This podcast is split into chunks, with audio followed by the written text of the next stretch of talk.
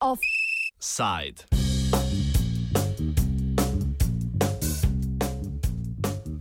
Češka DOO.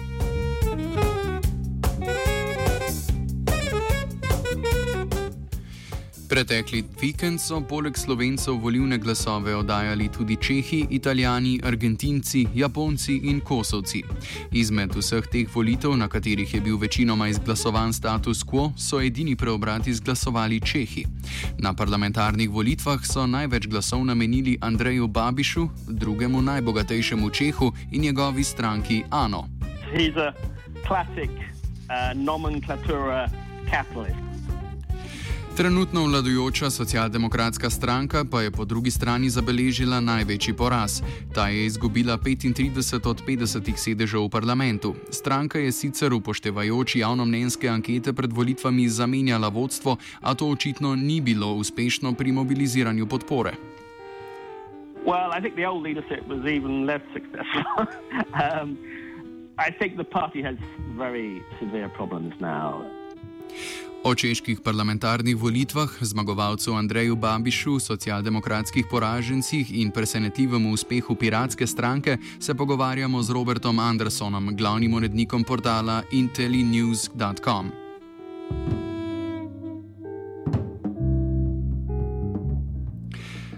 Andrej Babiš je v politiko vstopil pred štirimi leti z ustanovitvijo stranke ANO, ki v češčini pomeni ja, hkrati pa je akronim za akcijo nezadovoljnih državljanov. Stranka je bila koalicijska partnerica v preteklem mandatu, Babiš pa je bil do maja letos finančni minister v vladi pod vodstvom socialdemokrata Buhoslava Sobotke oziroma Bohuslava Sobotke. Poleg tega pa je Babiš izjemno uspešen oligarh, ki je do svojega premoženja se dokopal v času tranzicije. Razlaga Anderson. He's someone who came from a very top communist family, um, and after the collapse of communism, he was able to use his contacts to um, to build a, a very uh, successful business career. He was also, of course, um, allegedly a, a secret police agent. This is something he denies. But this, but these, this would be typical for a, uh, a top communist uh, trade official as, as, he was. So that's his business career. Um, and you know, there's lots of mysteries about where he got the funding from for to start his business. But this is typical for nomenclatura capitalists.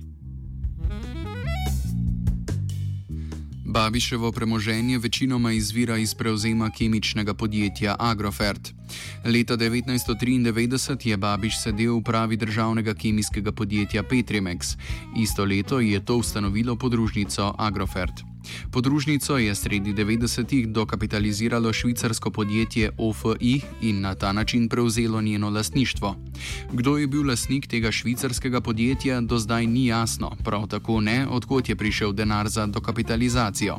Jasno pa je, da je po njej Babiš prevzel nadzor nad nekdaj državnim podjetjem in tako postal drugi najbogatejši človek na češkem, skoraj 3,5 milijarde evrov premoženja.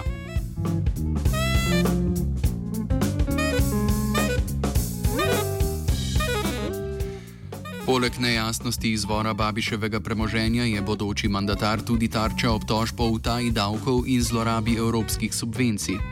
Kljub temu je njegova kampanja temeljila na poudarjanju transparentnosti in boja proti korupciji ter menedžerskem pristopu k vodenju države, pojasnjuje Anderson. In terms of politics, he's a classic um, businessman, pop politician. Um, you know, a populist politician, a little bit like Trump or Berlusconi, as he is often compared to. Uh, he seems to be mainly interested in improving the conditions for doing business in general, and of course for improving the conditions for his own company, Agrofert, in particular. Those are the two things that seem to uh, uh, be most important to him. I don't think he has any other strong convictions. He only he only adopts things which, for example, Eurosceptic on, on, the, on the euro or anti migrant. He only adopts these things in order to seek support, I think.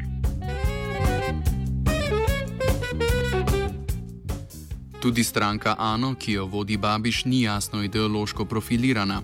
Anderson izpostavlja, da niti nima močnejšega zaledja, temveč je bolj aparat Babiševega podjetja Agrofert. Več vodilnih položajev v stranki namreč zasedajo nekdani menedžerji iz tega podjetja. It's a hollow shell. I mean, it's a one man party. I think they have 3,000 members in, in a country of 10 million people. Um, and Mr. Babis has given himself the powers to control everything inside the party. So he has complete control of the party. Having said that, he has attracted some successful people to the party, some some some managers, famous actors, famous journalists, um, people who think. I think maybe people who uh, believe what he says, or people who think that he's a very good way to advance their own careers. Um, but no, it is, it is not a proper party. Um, and, I, and I think it's very unlikely that it will continue uh, without him if he had to, if he had to step down um, in, for whatever reason. Uspeh stranke Ano Anderson pripisuje predvsem nekompetentnosti tradicionalnih strank. There's a feeling, of course, that the, exist, the traditional politicians are corrupt Um, so whatever they say against Babis uh, is not to be trusted, and they're also inco- incompetent. Um, at you know, people say at least you know Babis is competent. At least he'll make the country work like like his own business, as he as he promises to do. Um, it's a sign. His success is a sign of how discontented people are with the political class here. Um, because in in every other way, the, the Czech Republic is doing extremely well. I mean, it's the richest country in the region. We have overtaken uh, Slovenia as the as the richest country of the the new member states of Central and Eastern Europe. Um, so, in many ways, there is nothing to complain about. Neuspeh tradicionalnih strank, ki je Babišu utrl pot na oblast, najbolje ponazarja socialdemokratska stranka. Ta je iz ene izmed dveh vodilnih strank zadnjih dveh desetletij in pol zdrsnila na šesto mesto. Prehiteli sta jo tako komunistična stranka kot protimigrantska nacionalistična stranka Svobode in neposredne demokracije, ki jo vodi japonski čeh Tomio Okamura. Pozicijo socialdemokracije povzame Anderson. I think the party has very severe problems now. Um, I mean, they have been, we ought to say, they have been the dominant party for most of the the period since the collapse of communist communism um, 20 whatever it 20, 28 years ago um, they, they've been the, the, you know the biggest player for, for most of that period but before they had a very broad electorate they had they drew support from they had some liberals who supported them because they were very they were very pro pro EU party. They also attracted a lot of um, discontented people because they they promised to attack corruption. They promised to um, to help uh, poor people, um, but they it has become more and more difficult to uh, to satisfy all these different groups of their support a lot of the um, people who were supporting them as a kind of anti-establishment party, in the sense that they were um, promising to help poor people, and uh, a lot of those people seem to have left uh, either to join uh, to support Mr. Babis's populist party or to support um, the hard right um, party of Mr. Okamura. So uh, I, I, think they will have to have social democrats will have to seriously rebuild now, uh, and there's a big question mark whether they will ever be so strong again. It looks very much like um, the party has collapsed in, a, in the same way as in, of course, in Poland and in Hungary. Only in Slovakia now do we have a strong centre-left party in, in Central Europe. Ni pa Babiševa stranka Ano edina, ki je kapitalizirala na, na, na, na propadu socialdemokratov. Prvič se je v parlament prebila tudi piratska stranka. Z nekaj več kot 8 odstotki podpore in 22 osvojenimi sedeži je postala tretja največja stranka za Babiševo Ano in desno-sredinsko civilno-demokratsko stranko.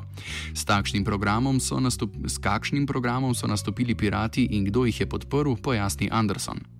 I think it was a classic pirate platform. Um, transparency, internet freedom, direct democracy.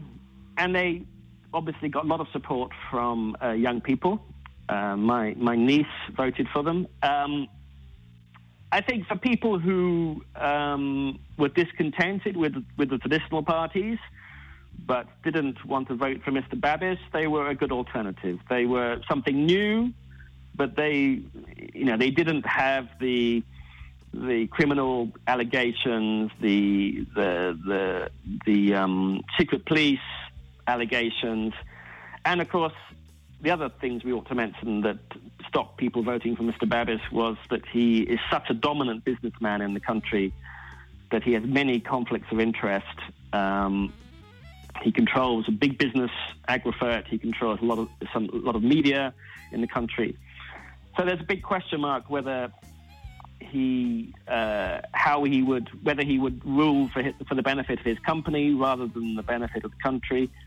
And of course, there's a question mark about now we have one man controlling so much, both politics, business, media, that this will have a damaging effect on Czech democracy.